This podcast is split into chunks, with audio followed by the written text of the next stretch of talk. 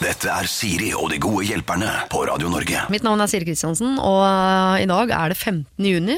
Lørdag 15. juni, og jeg vet ikke om det sier deg så veldig mye, men øh, jeg kan jo Det er ikke så farlig, altså. Men jeg har bursdag i dag. Jeg har det.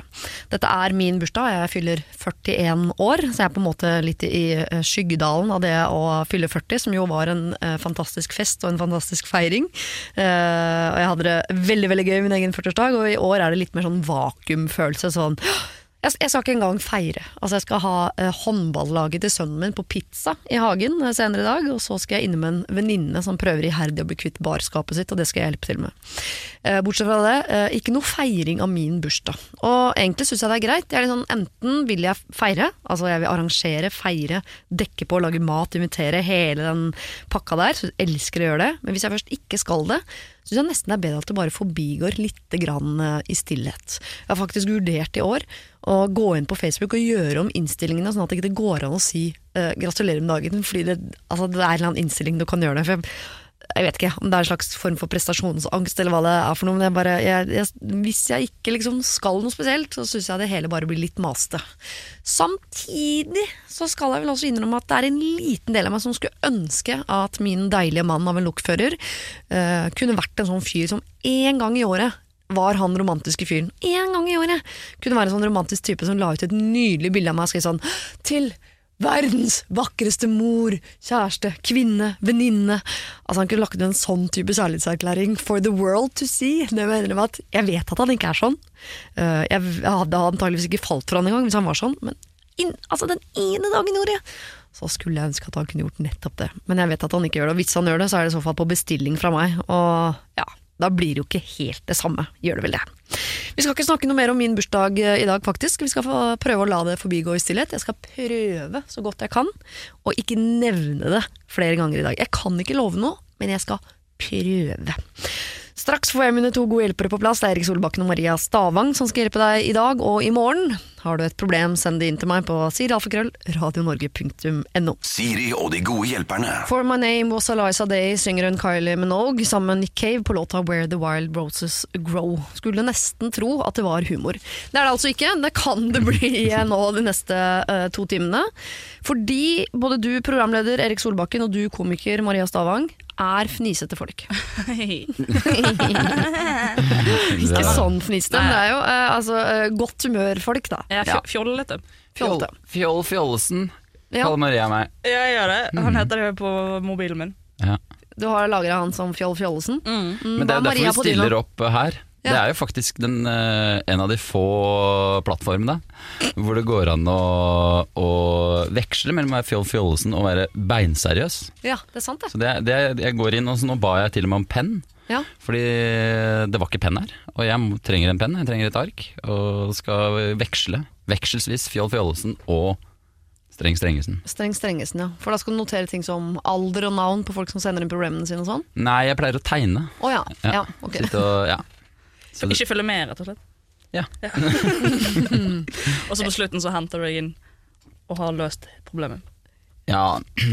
Nei, det er jo alltid best å øh, snakke rundt og om problemene. Ja. Er ikke- konklusjonen er ikke nødvendigvis det viktigste. Nei, den ta, kan jeg ta med av. Det går kjempefint. Yes. Uh, Så vi trenger ikke svar, egentlig. Nei, jeg kan egentlig bare uh, si hva dere tenker. Jeg Så skal jeg trenger prøve å trekke i trådene. dritt i dag. Oh, ja. Ja, det, det, det tror jeg det jeg har lyst til. ja. Til bare random er til de som sender inn. Ja. ja. Dette er topp stemning rundt uh, det. Uh, jeg liker det faktisk bedre enn har jeg hatt noen hjelpere som bare stiller spørsmål. Ja. Uh, om ting som Det kan jeg bare si nå, da. At jeg får mail. I, de leser jeg. Uh, det er ikke fra folk jeg kjenner, så jeg har ikke noe mer informasjon om livene deres enn det som står i mailen. Så spørre meg om sånn Hvor bodde de før det? Ja, Ja, ikke det, er ikke, nei, nei, det er veldig sjeldent jeg kan svare på det. Men det er jo ofte en dårlig eh, teknikk som mennesker bruker når de skal gi venner råd. Det er å stille masse rare spørsmål. Sånn ja, hvor, hvor i Oslo var det du gikk da? Eller ja, ja, ja hvor, mange, hvor, hvor mange barn sa du hun hadde? Altså bare, bare, bare det å stille masse spørsmål. For å tråkke i vannet, liksom. Ja, bare sånn du rekker å tenke, eller kanskje kommer unna problemet. Men der har du ikke oss. Maria og jeg er Nå har vi, vi har lagt ned fjollehanskene allerede. Ja. Ja, Nå er vi bare ganske sultne på å kaste oss over eh, problemer mennesker må ha der ute. Jeg skjønner, og det skal vi straks gjøre. Jeg vil bare stille et spørsmål først om deres uh, privatliv. Ikke felles, men hver for dere.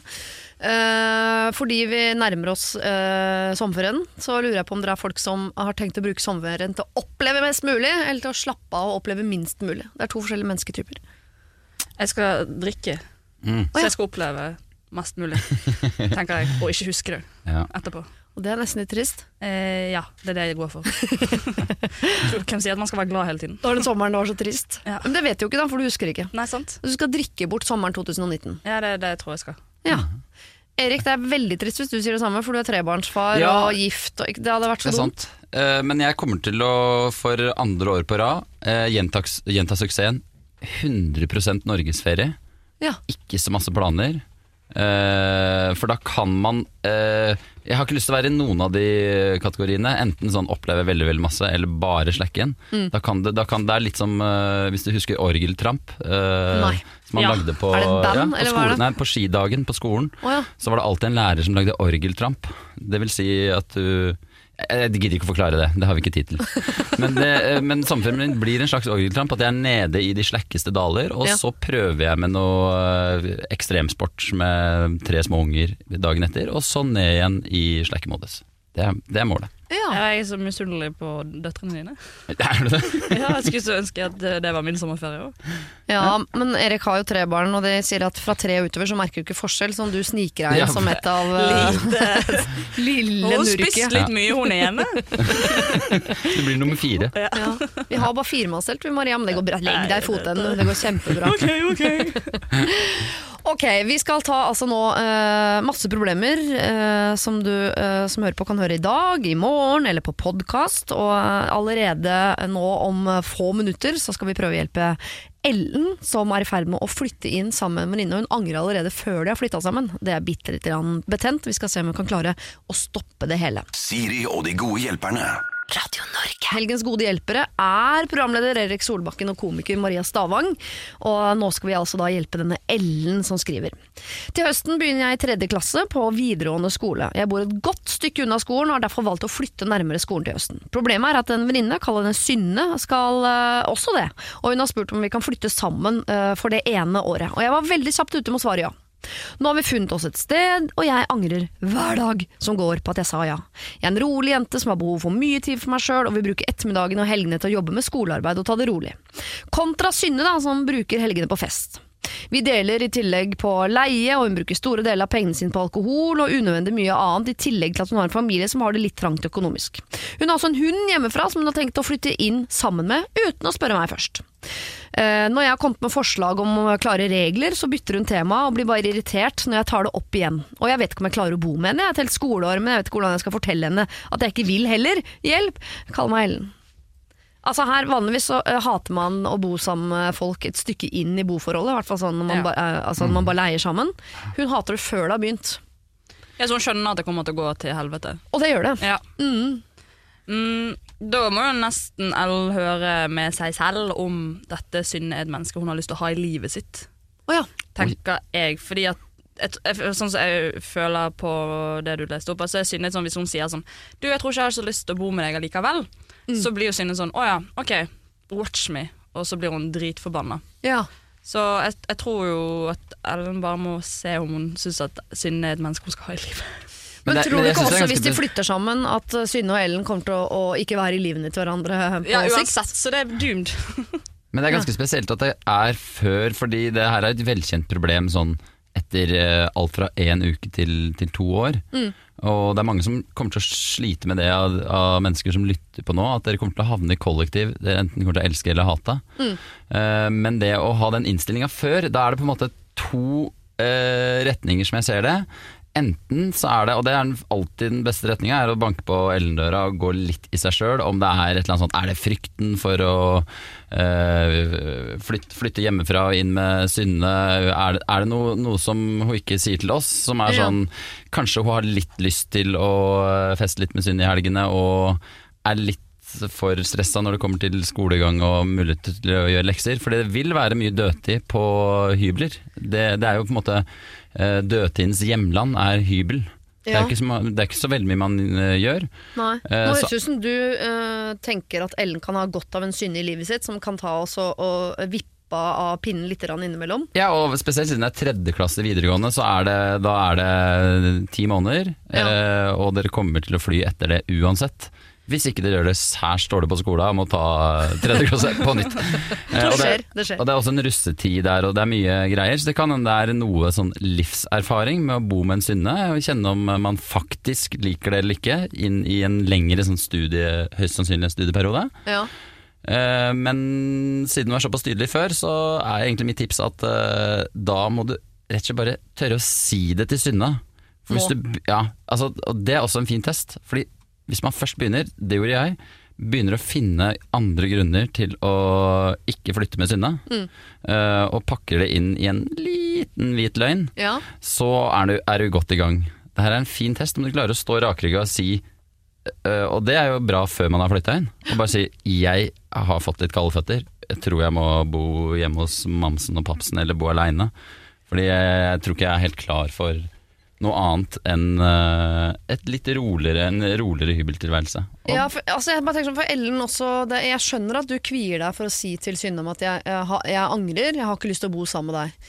Men ved å ikke si fra om det, så må du flytte inn sammen med en som du egentlig har lyst til å si fra om ting til hver eneste dag. Ja, for- Og da blir det på et eller annet tidspunkt ganske stygt den dagen du eksploderer. Så det er mye bedre å ta den konfrontasjonen nå enn når dere hater trynet på hverandre på en måte om noen måneder. da. Jeg, kan få se, se for meg at Ellen allerede, liksom, noen allerede har bestemt seg for å hate og bo med Synne, så driver Ja. hun og leter ekstra mye etter ting så, å ta hun på. Litt som når man har vært sammen med et menneske over lengre tid, så gjør jo alt de gjør, blir irriterende. Ja, faktisk. Hold det ikke, kjennes jeg. Men um, kan, eh, når du nevner hvite løgner og sånn, Erik, kan Ja. det hende at eh, Ellen skal eh, For Et lite øyeblikk så tenkte jeg at den hunden kunne være utveien. Sånn. Jeg er jo hyperallergisk mot hund, jeg, viser Eller det kan seg. bare si du hater hunder. Eller jeg hater hunder. Jeg har aldri gått forbi en hund uten å drepe den. Ja. Aktig. Og så ser du Synne bare skyter den på kloss hold. og så er det ja, ok.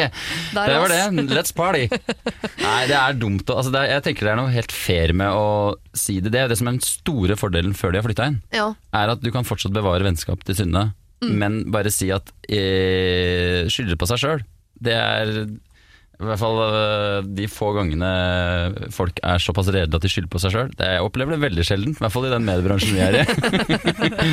Så syns jeg det er kanskje noe av det mest faire tinget som fins. Liksom, Det jeg har- vanskeligste.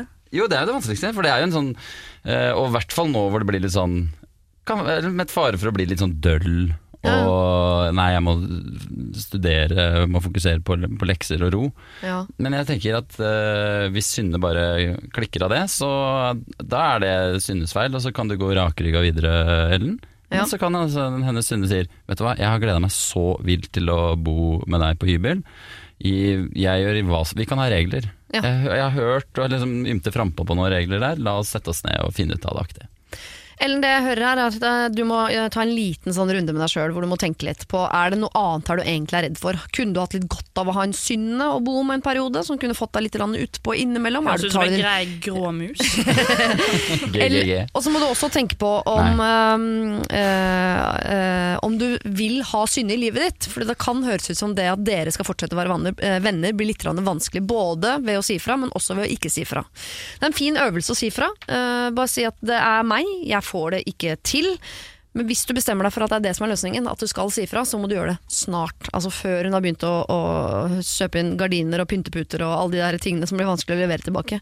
Så må du uh, si fra nå, Ellen, til Synne om at uh, hvis du bestemmer deg for det, jeg vil ikke bo med deg, så må du si det nå innen, innen 22. juni. Siri og de gode hjelperne. Lørdag og søndag fra 09.00 på Radio Norge. Vi skal eh, prøve å hjelpe en som eh, vil at vi kaller henne for Anna, og det er Maria Stavang og Erik Solbakken som skal eh, hjelpe meg med å hjelpe denne Anna.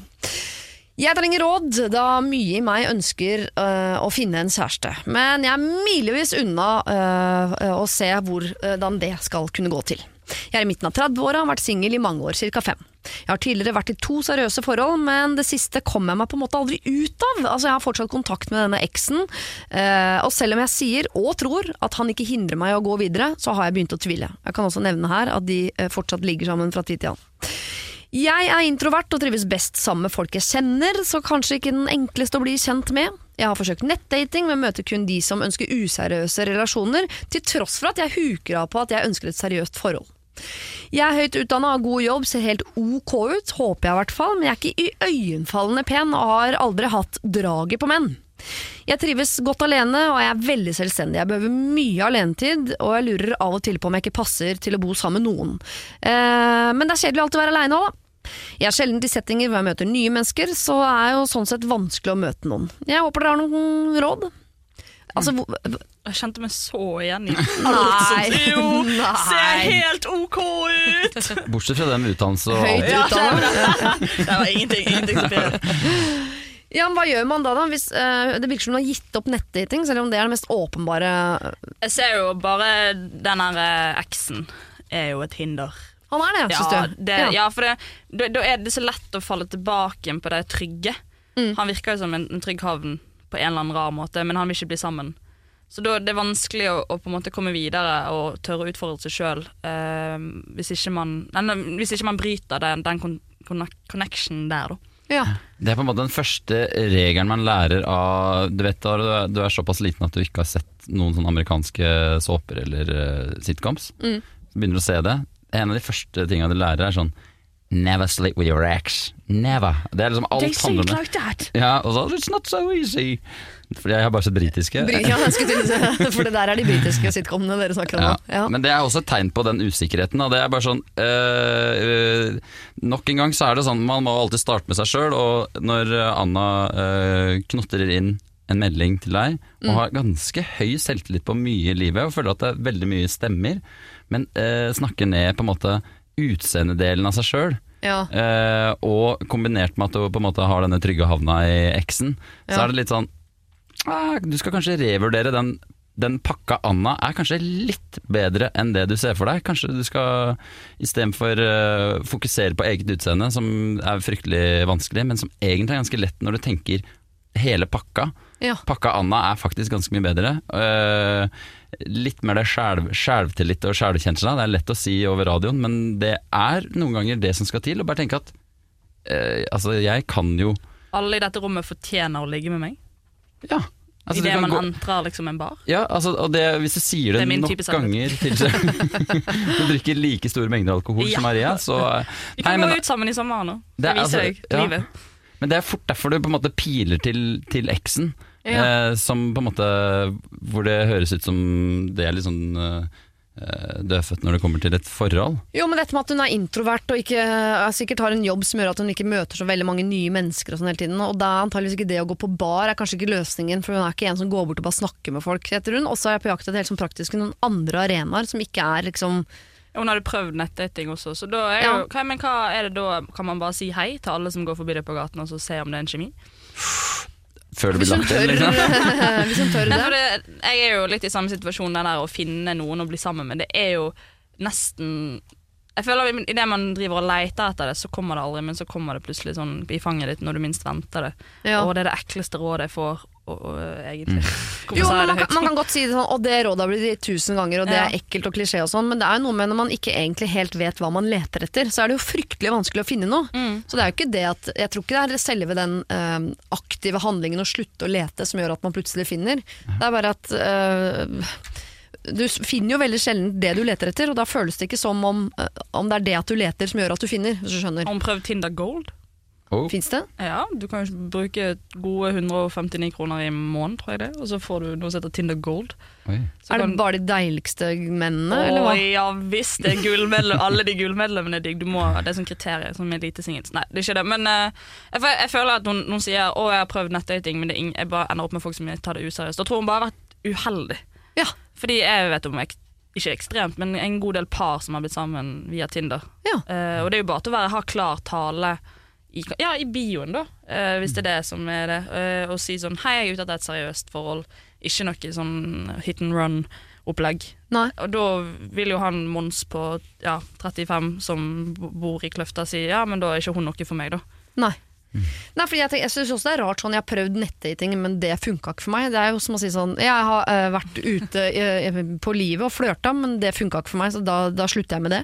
Så, det er jo bare et sted å møte folk. Jeg syns også hun skal fortsette med nettdating. Kanskje Ja. være enda tydeligere på hva hun er på jakt etter. Ja, også På et generelt grunnlag så prøver uh, veldig mange mennesker eh, eh, litt for lite. Ja. Altså Du må prøve litt hardere, og hvis du er litt introvert og har litt, bitte litt dårlig selvtillit på eget utseende, så ser jeg for meg Da er du typen som på en måte ikke vil ha det som et samtaleemne med venner, f.eks. Mm. Det er også en sånn litt uprøvd eh, Det er rart med det hvis du på en måte er litt sånn positiv 'nå skal jeg, nå skal jeg ut og jakte', eh, og tør å snakke med vennene dine om det. Ja. Kanskje det er noen eh, der som kan sette i gang noe hjul. Gi, eh, gi henne noen komplimenter. Som ja, ikke ja, går ikke på utseendet, da. Ja. Sånn, du er helt hysterisk morsom, eller du, 'oi, shit, så tøff du er når du gjør sånn og sånn'. og sånn Men det er fortsatt, det er fortsatt sånn at venner kobler eh, folk sammen. Eh, for det fins altså Jeg har jo en kompis sjæl ja, som er liksom perfekt for deg, Anna. Som er liksom akkurat samme beskrivelsen. Ja. Så du kan egentlig bare sende meg en DM, så skal jeg sende han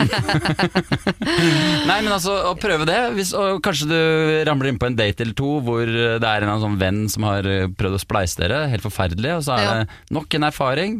Bygge litt sånn selvtillit på det, det. Og så blir du kanskje litt på en måte litt mer fram i skoen på Tinder og i, på nett. Jeg er mindre skummelt til neste gang. Ikke sant. Anna, jeg syns ikke du skal gi opp nettdating. Hvis du skal gi opp nett eller dating generelt, du må bare fortsette å prøve. Få opp selvtilliten uh, litt. Grann. Uh, gi deg selv komplimenter. Uh, høre med venner om det er noen som kan eh, eh, spleise. Og kanskje mest konkret av dem alle, så må du også kutte de der båndene til eksen der. Altså, det er som å eh, skulle slanke seg, men ha sjokolade i skapet. Altså, hold opp! Du må eh, rydde skapet. Og så må du logge deg på nett, og så må du logge deg på livet. Og så må du si til deg sjøl at du er digg, og alle i dette rommet fortjener å ligge med deg. Siri og de gode hjelperne. Send oss en e-post på siri at radionorge.no. Heart, dette her, eh, Alone heter eh, låta. Nesten litt sånn tematisk eh, lørdag, dette. Mye snakk om fraværet fravær av kjæreste, kjæreste, alone, heart. Trist stemning, rett og slett. Og vi skal holde oss faktisk litt grann til, til det temaet. Her er det vel ikke mangel på kjæreste som er problemet, det er selve kjæresten som er problemet. For eh, bekymret lillesøster skriver inn her. Kjære Siri. Min storesøster, kall henne Ingrid, har vært sammen med sin kjæreste i snart to år, og de er begge sent i 20-årene. Dette er hennes første kjæreste, og alle i familien var så spente på å møte den utkårede. Og ved de første møtene var alle veldig fornøyd med denne fyren, la oss kalle han Herman. Han var morsom, han virket veldig forelsket i Ingrid, han var eh, liksom et friskt pust. Etter hvert fikk vi høre at han var mye ute til sent på natten uten å si fra hvor han var til Ingrid, og dette roet seg etter hvert, men moren min og jeg ble noe skeptisk til han etter dette. Vi likte han fremdeles godt, men det endret seg etter en ferietur eh, med min søster, min mor og min far og denne Herman, da. På denne turen ble mamma og pappa bedre kjent med han. Og han plystra på andre damer i nærvær av alle, også Ingrid. Han sa til mamma og søsteren min at pappa ikke kan være helt frisk da han var borte, og han himla med øynene når pappa sa noe som han var uenig med. Han sitter på telefonen sin hele tiden når han er på besøk, og prøver åpenbart å provosere mamma og pappa. Jeg vet at man ikke kan bestemme hvem andre skal være sammen med, men mamma er nå så satt ut og redd for at Ingrid skal få barn med denne fyren. Søsteren min er lukket, men hun blir veldig påvirket av motgang, og jeg er redd hun aldri vil komme seg ordentlig om de går fra hverandre etter at et barn har kommet inn i bildet. Mamma er også redd det vil bli en del mindre øh, kontakt med de, øh, dersom ikke vi kommer overens med Herman. Så hva skal vi gjøre da? Er det noe vi kan gjøre? Eh, Hilsen lillesøster. Altså, De liker ikke typen til den ene søstera. Det er jo ikke jeg heller. Sitte på ferietur og Hei, senorita! Ja, hvor var vi? Ja, nei, det er ikke god eh, Det er ikke folkeskikk. Nei, det er ikke det. Og det jeg er er, bra du veldig, rollen. jeg er veldig streng på sånn Når noen har valgt en kjæreste, så må du bare respektere det valget. Og hvis dere vil ha de i livet deres, så er det dere som må jobbe med å like han. Men altså, det er som du sier, vi sliter jo med å like han alle sammen, så. Men det er på en måte i en familiesetting, hvis vi bare skiller litt, så er det sånn Det er øh, mange både uh, utafor og innad i familien som ikke av en eller annen grunn funker i familiesetting. ja.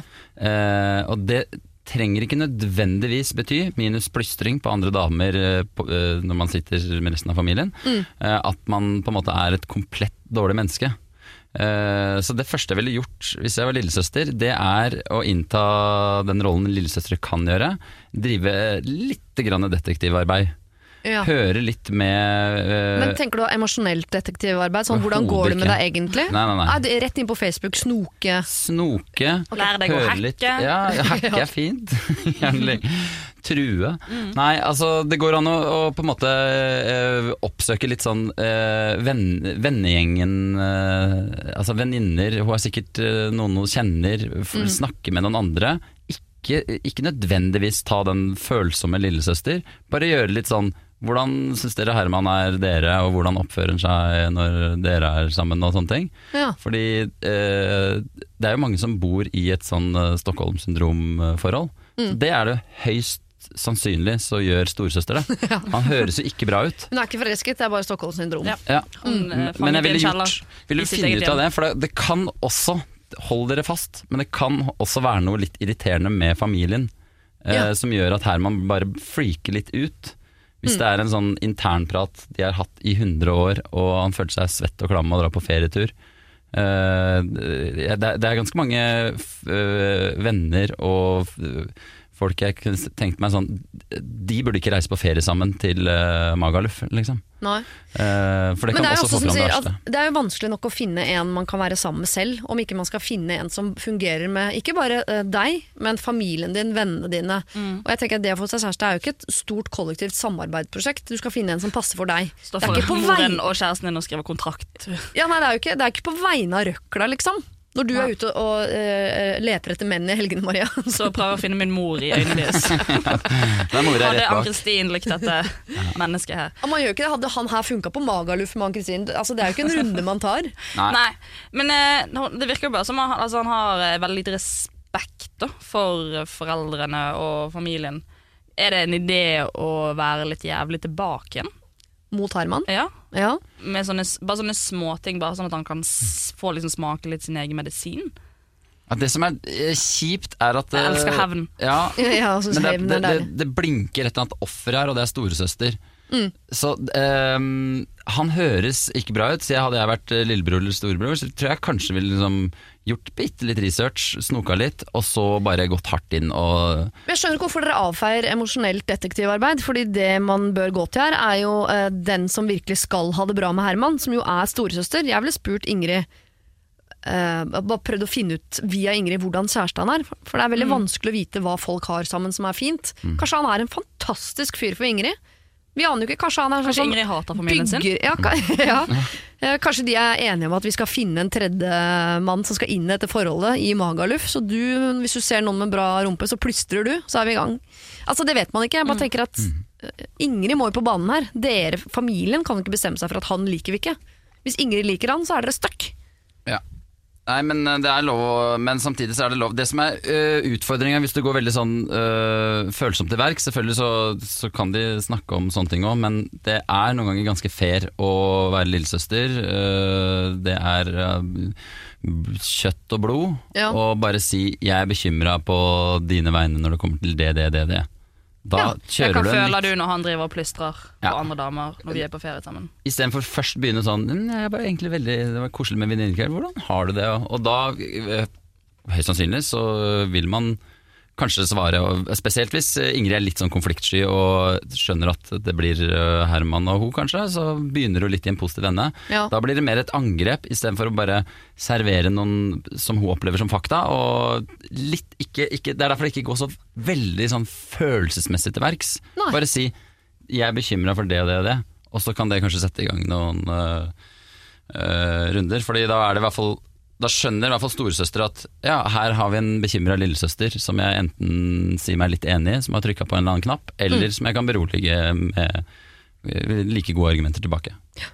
Jeg tror i hvert fall det lille bekymrede lillesøster, eller kanskje store bekymrede lillesøster, eh, gjør litt research her. Finne ut av om eh, søsteren din er veldig veldig glad i den fyren her. Kanskje hun bare trenger å høre at dere ikke liker han, for at hun også skal tenke Nei, fader, det gjør ikke jeg heller, la oss bli kvitt fyren. Men ta litt emosjonelt detektivarbeid, men også litt sånn god gammeldags detektivarbeid. Hør med venninner av han. Hva slags fyr er han egentlig? Finne ut av litt mer om hvem denne Herman er. Som menneske, men også som eh, kjæreste. Siri og de gode hjelperne. Send oss en e-post på siri at radionorge.no. Helgens gode hjelpere er eh, Erik Solbakken, programleder, og komiker Maria Stavang. De har fått eh, lov til å ta seg en liten pause, fordi jeg har tenkt til å rette blikket bakover. Ganske langt tilbake også, faktisk. Vi skal tilbake til november 2018. Eh, tilbake til da det var mørkt og kaldt. Litt sånn som det er i Oslo akkurat nå, faktisk, til tross for at det liksom skal være sommer. Samme av det. Solveig Kloppen og Kåre Magnus eh, Berg var eh, mine to gode hjelpere, og vi fikk inn et problem fra en som eh, kalte seg Linn. Linn hadde vært på storbyferie i Europa og matchet med en på Tinder fra denne byen. Og de hadde en veldig god tone, og de utvekslet nummer, og han sa hvis du skal tilbake til denne byen i nærmeste fremtid, så meld meg. Og så skal hun det! Hun skal til den byen igjen og vurderte å melde han. Men samtidig så skulle hun jo til denne byen samtidig med en annen fyr, som også var der på jobbreise, som hun lenge hadde sikla litt på. Eh, og kunne godt tenkt seg å treffe han der nede istedenfor. Hun skulle bare være der én dag, eh, og kunne sikkert rukket å treffe begge to, men var usikker på om hun skulle prioritere å bare treffe den ene, prøve å treffe begge, eller hva hun skulle gjøre. Jeg ga jo da dette problemet til Solveig Kloppen og Kåre Magnus Berg for å høre hva de tenkte kunne være lurt av Linn å prioritere eh, denne gangen, og her får du høre noe av det. Begge skulle til Wien, altså, eller til den storbyen ute i Europa. Er det, snakk om, er, det, er det blitt sagt Wien? Nei, det er, Nei, det er bare inni hodet mitt at det er Wien. Hun kan vel på en måte uh, få han hit, hun må jo ikke flytte dit. Nei, men det Nei. kommer kanskje noen konservative holdninger med Ja. i den snippsekken, da. Ja. Ja. Og så plutselig så, ikke sant, så er det der, og så er det natt, og så blir det, blir det unger, og så er du trapped nedi der, og så ja, Ja. kostskole, og så har du det kjøre, eh, gående. Nei, jeg tror jeg hadde, jeg hadde gått for han trygge fyren. Går det an at uh, For han, han som er i Norge, han har altså spurt om en kaffedate i Wien, eller Bern, eller hvor det er. Ja. Eh, eh, går det an å, å fremskynde Går det ikke an å fremskynde den kaffedaten og ta den før hun drar til Wien? Men jeg skjønner litt eh, hva Solveig mener, for det er jo noe med å varme opp. Hvis hun tar en kaffe på Carl Berner Ja. eh, først og Eller så- vin, da. Eller Ja, vin. ikke, nei, altså, Ja. nå, mener jeg ikke Ja. byen-vin, men Nei, vi, et vin. vinglass, Ja. liksom. En, et glass vin på Carl Berner, Ja. så blir det veldig mye morsommere i Bern eller Wien. Ja. Eh, hvis, ja, da er det litt varmere i trøya. Jeg, hadde jo, jeg skjønner jo litt problemet hennes, for hvis hun da drikker vin eller kaffe med denne eh, fyren som hun er, ser litt på på avstand, fra Norge, Ja. eh, og så plutselig sitter de der og spiser ost og kjeks i Wien, og så Mm. kommer han der, han andre fyren, Ja. som eh, er litt gira på henne. Nei, det er, det er mye Men kan ikke det også skape en romantisk konkurranse mellom de to mennene? For dette er en mann hun har, eh, altså han i Norge har hun Ja. truffet mange ganger i jobbrelasjoner. De Ja. har aldri liksom gått og tatt en kaffe eller en vin eller noe sånt. ikke sant? Og, øh, men jeg skjønner sånn Det er jo mange jeg omtrent ikke hilser på i Norge. Hvis jeg treffer tilfeldigvis på Costa del Sol, så sier jeg jo hei, ikke sant? Og begynner til og med kanskje å prate. Eh, så kan det hende at det er en sånn Hæ, vi to i vin samtidig? Ja, Det er ja. for sjukt, vi må drikke vin. Eh, Mens Carl Berner nja, lunka til det. Dette var noe av det Kåre Magnus Berg og Solveig Kloppen mente kunne være uh, lurt. Eh, og da er det jo spennende da, å høre hva Linn valgte å gjøre. Og her kommer det. Hei, Siri Kåre Magnus og Solveig. Her kommer et veldig forsinket takk for råd da dere tok opp dette i november. Det var gøy å høre deres refleksjoner rundt dilemmaet. Det hjalp meg til å tenke litt klarere. Men jeg har ikke fortalt dere hva jeg landet på, jeg tenkte at det er på tide med en oppdatering. Tusen takk, Linn. Jeg er helt enig. Etter mye om og men endte jeg opp med å si til Tindermannen at jeg ikke rakk å møte han. Jeg valgte å satse på at denne kvelden med nordmannen kunne være verdt noe litt mer. Like etter svarte Tindermannen at det passa greit, for han kom nok ikke til å rekke det selv, så jeg slapp å føle på hva jeg gikk glipp av. Vi holdt riktignok sporadisk kontakt med meldinger i månedene etter, og nå har han visstnok funnet sin store kjærlighet. Kvelden med nordmannen gikk derimot over all forventning. Vi hadde en superfin kveld og ble kjent på en måte vi ikke hadde blitt hjemme. Men ingenting skjedde. Hjemme i Norge har vi møttes mer og mer pga. jobb, og utover våren har frø vi sådde i storbyen begynt å gro, og jeg tror jeg er forelsket. Helt nylig hadde vi vårt første kyss. Alt henger i lufta akkurat nå, og det er masse andre ting som er komplisert og som må finnes ut av, men vi har begge erkjent følelser for hverandre. Nå går jeg inn i sommeren med sommerfugler i magen og håper at ting går riktig vei herfra. Tusen takk for råd, og ha en nydelig helg. Tusen takk, Linn. Jeg skal prøve så godt jeg kan å ha en nydelig helg, og så håper jeg at du får en nydelig sommer, og at disse sommerfuglene i magen er gjensidige hele veien gjennom, og at når du da på andre siden av sommeren sender meg en ny mail, så er det fordi du og denne mannen har blitt sammen. Det hadde vært en fantastisk historie, en filmatisk eh, greie, eh, dramaturgisk vakkert, vil jeg påstå. Jeg ser det helt tydelig for meg. Så Linn, nå må du ikke skuffe oss. Nå må du gå inn i sommeren sammen med denne mannen og få det til å skje. Radio Norge. Eh, nå skal vi hjelpe en 26 år gammel Spice Girl-fan som skriver Jeg er en jente på 26 år som har vært eh, eh, Spice Girls-fan siden jeg var seks år gammel. Da de i november annonserte deres comeback tour, ble jeg over the moon happy og satt i kø i flere timer på Ticketsmaster, og det betalte seg heldigvis. Jeg fikk tak i to billetter sammen med en god venninne. Dessverre døde min morfar nå her om dagen, og det er jeg selvfølgelig veldig lei meg for. Men på den annen side så var det en lettelse. Han har vært syk med alzheimer i lang tid, og de seneste to årene har han ikke lenger vært den morfaren jeg kjenner. Så her kommer dilemmaet, da. Begravelsen blir enten samme dag som Spice Girls-konserten, eller dagen etter. Og denne begravelsen kommer til å finne sted eh, hjemme i Trondheim, så det er ikke sånn at det er rett rundt hjørnet heller. Jeg er i tvil om jeg skal prioritere å fly hjem til begravelsen på bekostning av konsertopplevelsen som jeg har ventet på siden jeg var seks år. Det skal sies at hvis det hadde vært en hvilken som helst annen konsert, så hadde jeg droppet den. Men det her er en konsert jeg aldri hadde turt å håpe på eh, at jeg skulle få muligheten til å oppleve. Hva syns dere jeg skal gjøre? Jeg har selv laget to scenarioer, men det kan være dere har en helt annen løsning. A. Reise hjem til begravelsen, avlyse avtalen med venninnen min, noe som mest sannsynlig uh, betyr at jeg aldri får oppleve Spice Girls live. Eller B. Reise hjem uh, søndag til tirsdag, få sett familien min, tatt farvel med morfar før begravelsen, og så reise på Spice Girls-konsert, som jeg har gledet meg til det siste halvåret. Jeg har allerede booket fly og hotell. Hjelp! Prøv nå når dere gir råd. Eh, Jeg skal gi dere et råd før dere gir råd. Ja. Og ikke ta med egne sånn emosjoner rundt deres morfar som, Ja. som er frisk, og deres forhold til Spice Girls som dere ikke er interessert i å se, osv. Ja. Men jeg har vært i akkurat samme dilemma. Ikke at det var konsert, men eh, jeg måtte i en jobb Ja. Uh, på den datoen som min morfar ble gravlagt på. Uh, og jeg, jeg, jeg føler jo at man viser jo med hele seg at man er glad i det mennesket, selv om man ikke er der akkurat de timene den dagen. Eh, og mine foreldre og min familie forsto jo veldig godt at du må jobbe når du for eksempel, Når det er frilans i tillegg, så har du på en måte Du må takke ja til de jobbene du får. Ja. Uh, så det er jo ikke sånn Og at bare fordi du ikke er der i den begravelsen, så er ikke du glad i, i morfaren din. Nei. Eh, det er litt den der, eh, Jeg synes jo Noe av det verste med begravelse er at nå skal du sitte på disse benkene og så skal du grine fordi du er glad i dette mennesket. Da blir det sånn, nesten litt sånn Nei, men da skal ikke jeg grine. da Dere skal ikke bestemme over meg tid jeg skal være lei meg og sørge over dette mennesket. Uh, så jeg syns at plan B høres helt fantastisk ut. At hun kan reise opp og hilse på familien og si uh, det hun trenger å si og tømme hjertet sitt sånn sett, og så få lov å unne seg den Spice Girls-konserten som hun har hatt lyst på i ja, 20 år. Ja. Ja, Man må bare vite at man klarer å kose seg på den Spice Girls-konserten. Så jeg tenker at hvis du tar det valget, så må du virkelig ta det valget. Og jeg er helt enig at jeg tror altså Bestefaren din Uh, han er jo ikke der uansett, så det er jo ikke han du skuffer. Det har jo ikke noe med din kjærlighet til han å gjøre. De du skuffer, er jo de andre i den begravelsen som ikke klarer å se det fra din vinkel. Som, som vil tenke sånn Herregud, hvor ble det av hua? Og andre på- skulle bare kose seg på konsert. Altså Noen vil tenke det, så da må du være villig til å liksom, stå i det valget, fordi du vet at din kjærlighet til din uh, morfar ikke har noe med dette å gjøre. Ja. Jeg Så- syns, nei, jeg syns det var uh, helt nydelig, Maria. Ja, Du lina opp. Uh, og jeg syns også løsning B er ganske sånn For det, var, det er på en måte ikke to alternativer som enten er å rømme eller å droppe.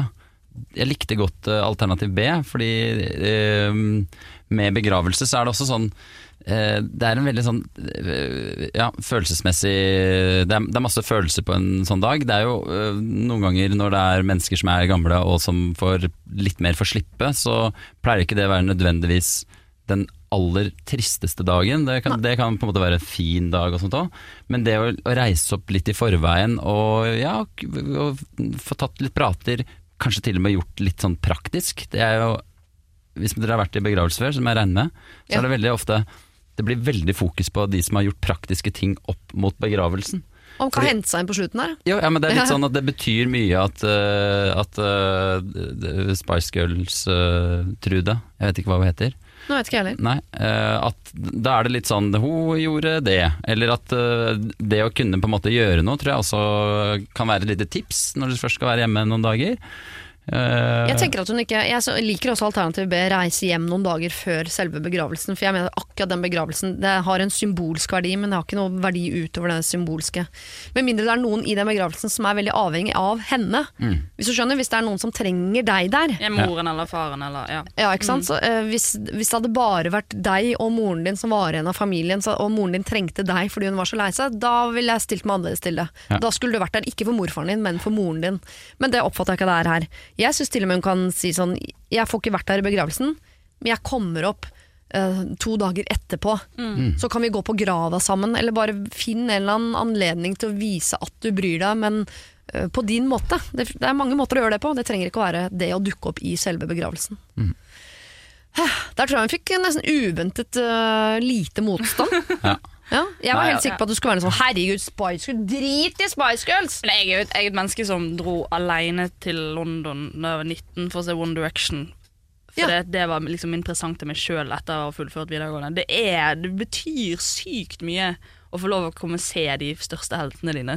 Som da på mitt- det tidspunktet Ja, altså, tror ikke jeg det kommer til å ødelegge følelsen altså, det, det høres ut som at uh, å reise før uh, høres jo litt bestemt ut på, og det tror jeg kan være bra hvis du på en måte øh, Hvis hun ikke vil at det skal gå og murre litt øh, øh, på Spice Girls-konsert for hennes egen del. Mm. Har du vært der i to-tre dager, så kommer du til å reise med en, en god følelse. Jeg tror ikke jeg tror Ja, det er sant. heller Det er ganske få familier også som vil ta den derre Og der øh, reiser frøken egoist av gårde. Det er en eller annen dårlig tante uti der. Kom, Jo. altså, det må du regne med. Men da kommer Men ikke i hennes begravelse, da. Sant? Er hun kommer ikke din, ikke sant? Så er vi i gang. Nei, men eh, dra opp noen dager i forveien da, og bruk tiden på eh, familien. Eh, vær der, snakk om ting, gjør praktiske ting. Eh, og få familien din til å forstå valget ditt, sånn at ikke den dagen du drar, så er de litt sånn snurt. Det tror jeg ikke, altså. Men jeg ville i hvert fall hatt den dialogen oppe, sånn at du får den forståelsen du trenger. Sånn at du kan kose deg på Spice Girls-konserten. God tur. Siri og de gode hjelperne. Wish I Could Fly synger uh, Roxette, og faktisk uh, når folk uh, blir spurt om hva skulle du ønske du kunne her i verden, så svarer de fleste mennesker én av to ting. Enten vil de kunne fly, eller så vil de kunne synge.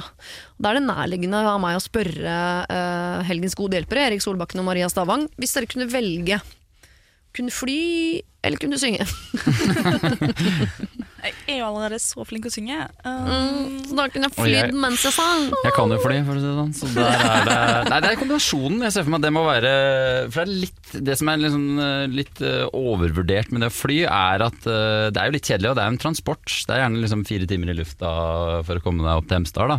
Ja. Uh, Nei, kanskje ikke så lang Det tid. er gøy første 20 minuttene. Ja, liksom. så blir det kald, og så er det litt sånn uh, du får veldig fort urinveisinfeksjon når du begynner å Ja, litt sånne ting du må huske på. Men hvis du kan synge og fly, det, den følelsen der tror jeg er helt Når du er oppe i lufta og bare, Hei, hva skjer?» Det er liksom tigangeren dusjen, da. Ja. Så jeg vil si enten eller. Enten begge eller ingen. Tror du ikke hvis du plutselig kunne blitt helt fantastisk flink til å synge, så ville det føles ut som om du flyr? Det tror jeg nok. Men jeg har Det ble for eh, jovialt for meg. Ja, for, det, eh, Jeg har egentlig at jeg ikke har lyst til å synge, for jeg har sett på en måte såpass mange eh, artister Ja. som på en måte lever med sin usikkerhet og sånne ting, eh, og så går de på scenen, og de der 3.30 hvor de står og bare Heis Jude Heis Jude. Heis Jude, ja. Da, da, er det, da lever de i en sånn boble som er sånn ah, Jeg tror ikke det er bra for noen å være der mer enn 3.30 om gangen. Altså. Ja, jeg tror jeg er kleinere på utsida av bobla enn inni bobla. Tror jeg Ja. ikke man kjenner så mye på den kleine følelsen du prøver å beskrive der. Jeg har en gang gått ut på en scene og sunget uh, All I Want For Christmas Is You. eh, Hvor jeg var Uronisk. helt nye folk. Ja. Jeg, skulle, jeg skulle gjøre det helt uronisk, for jeg hadde vært sjuk noen ganger. Hadde en sånn deilig kråkestemme. Ja. Så tenkte jeg, Og så hadde jeg gjort en jobb med Haddin Jai, som er veldig flink til å synge. tenkte jeg nå, Dette er mitt Haddy moment. Så jeg bare satte på en sånn karaokeversjon og prøvde å stå i det i tre minutter. Ja. Det er en ganske vanskelig låt. Eh, Jeg klarte det i ett og et halvt minutt, og så eh, frika de ut der, så jeg måtte bare Gikk det over på ironi? Ja, ja, Ja. kraftig. Kraftig ironi. Så jeg prøvde det i 30, funka ikke på meg. Bare se for seg at Det må være så kjedelig å kunne synge, og så vite at man aldri kommer til å bli artist. Oh. Enten fordi man er for stygg, eller fordi man aldri kommer gjennom den Idol-audition. Nei, man, har ikke, man klarer ikke å skrive noen ting, liksom. Og så er det ganske mange som er tålelig flinke til å synge. Ja, det det, skal skille deg ganske greit for å være en av de som ikke bare kan synge, men som faktisk får lov å synge foran folk. Ja, for det, det, det er så mye ting som skal klaffe, da. Ja. Jeg synes det er alltid trist å være på sånn Hvis du er på en karaokebar, da. Mm. Det har jo alle på et eller annet tidspunkt uh, ramla innom. Hvor det er på en måte den ene vennen som bare står igjen med den fjerde sangen. Bare Nei, la meg leve litt mer i det her. La meg synge 'Fanga av en stormvind' Mm, en er gang god, til. Ja. Vær så snill, hvor er det vindmaskin? Hvor er det vindmaskin? Mm. Uff, ja, nei, det der er eh, litt grann, eh, Og det vondeste å se på er jo de som eh, så gjerne skulle ønske også. Som har en helt ok stemme, men som så gjerne skulle ønske. Eh, så du ser at de, de har ingen ironi på det, liksom. Mm. De står i det og de vil, vil, vil, vil, vil. Og så er det bare Og så er det helt ok, liksom. Og så er det ikke noe mer enn det. Kanskje det der med å være sånn ok flink til å synge bare er en forbannelse. Men det som er bra, og det er Maria, du kan glede deg til den dagen du får barn. Oh, Fordi da må du jo hver kveld så må du jo synge plutselig i 10 minutter, kvarter, 20 minutter. Og det er så gøy, når du, spesielt når barnet er veldig at det er bare to-tre måneder. Ja. Og når du står sånn på et rom aleine og Og og blir sånn kjenne på at du blir Ja. flau. Jeg har jobbet mange år i barnehage, og det var jo sånn alltid hvis vi skulle spise, så måtte vi alltid synge før maten og sånn. Og Ja, ja, hadde veldig lite selvtillit på eh, knekkebrødsangen. Ja. Men når det er et Men du klinka til da alene med sånn uh, Når det var leggetid, ja. Ja, Da klikket eh, på slutten. Dro på skygg. Oi, oi. Ja, ok dere. Eh, Vi skal herfra ut så skal vi konsentrere oss om andre menneskers problemer. Ikke våre indre eh, forkvakla moralske kompass i forhold til om man vil kunne fly eller synge eller hva man nå driver med. Eh, Hvis du som hører på har lyst til å sende inn et problem, så gjør gjerne det til sirialfakrøll radionorge.no. Siri og de gode hjelperne. Apropos Beverly Craven, dette med 'Promise Me', og vi har eh, jo eh, snakket litt eh, så langt i dag om folk som synger i sammenhenger hvor de gjerne vil at folk skal oppdage at de er flinke til å synge. Og den sangen der har jeg vel hørt 90% av venninningen min synge på en eller annen trikk på et vorspiel på vei ned til byen på et eller annet tidspunkt. Hvor du skjønner hvem av jentene i gjengen som skulle ønske at noen sa sånn Gud, du kan jo synge, da! ah, så den låta får jeg litt sånn blanda følelser av. Det er litt gulp? Ja, det er litt gulp, men jeg blir jo godt humør av det. Det var gode tider, liksom. Ble Vil vil du vite hva manne- manneversjonen er? Ja, hva da? You raise me up! det er vanskeligere da, kanskje. Ja, det var en veldig vanskelig mm. låt. Eh, dere, Vi skal eh, treffe en som heter Sonja. Eh, Sonja har skrevet eh, Jeg er en jente på 33 år som har et problem med at eh, alle guttene til venninnene mine tror at jeg vil ha dem. Ikke de som har vært sammen en stund, altså de kjenner meg godt nok til å vite at jeg ikke er den typen jente, men de litt mer løsere forholdene har det med å ende opp med at guttene heller vil be ut meg på date enn å fortsette relasjonen med mine venninner. Og dette er ganske kleint for meg. Jeg sier selvsagt aldri ja, men jeg begynner jo å føle på at jeg ikke får lov til å møte guttene til venninnene mine før de er i mer seriøse forhold.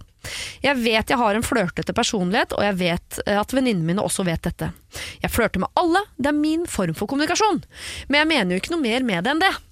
Hvordan kan jeg i fremtiden få lov til å møte disse guttene og få venninnene mine til å stole på meg og eh, nok til at jeg kan introdusere meg eh, for dem uten at det betyr at det blir slutt mellom dem? Må jeg slutte å være meg selv? Det blir jo ikke riktig, spør meg. Men jeg vil jo ikke miste venninnene mine heller, bare fordi jeg er en jente som liker å flørte med mennesker. Kall meg gjerne Sonja. Jeg måtte lese henne mail noen ganger før jeg skjønte hva Sonja prøver å si, men altså, når Sonja treffer nye mennesker, så har hun en måte å kommunisere på som oppfattes som flørting. Ja. Eller hun flørter, da. Og så vil, og så Vil folk ligge med henne? og så vil folk ligge med henne. Og da blir venninnene sure. Men hun vil være seg sjøl. Ja. Hva gjør man da? Da kan vi ta tak i noe hun har sagt som, uh, som er feil.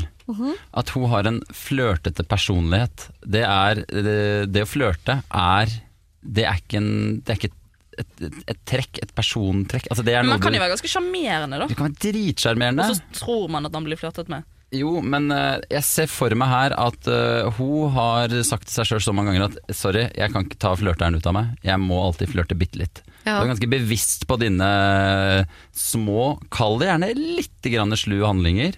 Ja. Uh, og du veit jo hvor enkle gutter kan være, for du har tusen eksempler på gutter som eh, etter hvert bare blir litt, også litt usikre på den flørtinga. Det er jo det, du må ikke glemme at gutter to på en gang? ja, ja, men gutter er sånn Du trenger et, et, et, et halvt blunk, liksom. Så er det bare sånn Ok, hun, hun er dritkeen på meg! Og så setter du i gang et eller annet tog som ikke har en endestasjon. Ja. Så, øh, så det at du har en flørtete personlighet, det er noe du kan faktisk klare å kontrollere og endre litt, altså. Du kan være sjarmerende som tusen, men Ja, så hun bør faktisk bare roe seg litt ned. Det betyr ikke at hun ikke er seg selv Men lenger. Sånn, da får jo ikke hun være seg sjøl, da. Det Ja, men det. det, det er, vet du hva, akkurat det irriterer meg faktisk. At det er sånn det, En del av meg er at jeg liksom noen ganger må stryke Når folk sier noe morsomt, så må jeg alltid ta på dem. Og, og, og, he- og lene meg litt inntil. Altså alle, alle sånne bitte små flørteting, Ja. de kan du klare å nappe bort. For du ser høyst sannsynlig bra ut, du får høyst sannsynlig masse oppmerksomhet, men du kan vri det over til at folk syns det er litt mer komfortabelt å henge med deg. Men er det en Ja, unnskyld. Nei, jeg bare tenker Hvis venninnen din syns det er ubehagelig å presentere deg for gutter du har møtt, så tenker jeg at eh, å skru til personligheten sin litt grann i de møtene der, det er et lite offer å gjøre, altså. Men det høres ut som det er noe hun gjør for å få bekreftelse. At dette er hennes måte å vite at hun er digg og god og bra på. Mm. Det er jo på en måte å kapre eller få oppmerksomheten til eh, de guttene som venninnen hennes eh, holder på med.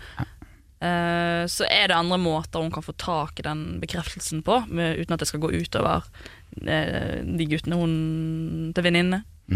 Ja, eller om hun kan snu fokuset på sånn Kunne vært digg med litt bekreftelse fra venninnene dine på at du er en god venninne òg, tenker jeg. Er ikke det også en verdi som er fin å ha med seg? For jeg jeg ser også for meg at du, Sonja, er nok en- en veldig tiltrekkende person i utgangspunktet, og når du da oppfattes som en som flørter med gutter foran øynene på den jenta de er der sammen med, det er ganske sånn ballsy trekk også, som jo også en del menn vil jeg tro syns er ganske tiltrekkende. Sånn, Ja. å hun vil ha meg så mye, hun, at hun bare gir blaffen i at venninnen hun bare hun går all in på dette, liksom. Så jeg tenker at man skal jo ikke be folk om å ikke være seg sjøl, det er jo det man ikke skal. Men det, det er som du sier, Erik, det, er, det er jo ikke deg, det er bare en ting du gjør. Og Gjør det, det litt ofte- mindre, da. Det er egentlig den går ut til alle som føler seg veldig veldig pene. Jeg vet at veldig mange av Radio Norges lyttere føler seg det, nikker seg enig i det. Mhm. altså Der har de et ekstra ansvar, for jeg merker jeg kan bli litt utrygg på veldig veldig pene mennesker Ja. som har kommet inn i den «Å, Jeg er sånn myk katt, jeg, fordi det er en del av min personlighet. Men desto uh, mer trygg på øh, veldig veldig pene mennesker som er litt sånn avslappa kule, og som du merker at det er ikke noe, er ikke noe vibber som sendes ut, og sånne ting. Uh, så, så hun kommer til å oppleve at hun faktisk blir veldig godt likt av mange, hvis hun bare prøver å strippe ned flest mulig av de der sjekke... De der mm, mm, mm, Blikkene å ta på Ja. latteren. ja, ja, ja, men bare være litt sånn kul og, og litt, ro deg ned på det, liksom. Så tror jeg du faktisk kommer til å bli likt av begge parter, og det er jo enda, det er en vinn-vinn. Og for hvordan er du når du snakker med venninnene dine? Jeg regner jo ikke med at du flørter med de også. Du er vel deg selv da også. Jeg bare tenker at her, er, her må vi liksom ikke henge oss fast i at jeg må få lov til å være meg selv, for det er noen ganger en litt sånn øh, litt feigt flagg å heise, rett og slett, for å få lov til å holde på med noe man vet at man burde slutte med, for å være helt ærlig. Kan noen si noe som innledningsvis sånn Ja, jeg holder på med en. For det, det er jo ikke noe seriøst. Da vet jo også de menneskene som hun driver og tar på, at de, ikke hun er interessert i, i de. Men Ja. at er bare, hun bare er et menneske som tar på folk når hun snakker med dem. ja, bare sånn, ja, jeg holdt på med en fyr her, eller hold, og sånn at du vet å ja, dette er mennesket opptatt. Ja. Det er ofte at man har vært i settinger hvor man eh, føler man blir veldig flørtet med og tatt på korsryggen, og så går man inn på Facebook etterpå. Å ja, du er fuckings forlovet, du.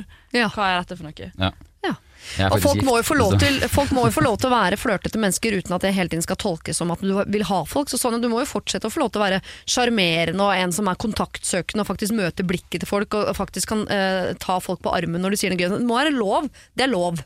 Eh, Men det er et eller annet du gjør som gjør at disse guttene tror at du vil ha dem, og de tingene der tenker vi at det kan være greit å eh, plukke av seg.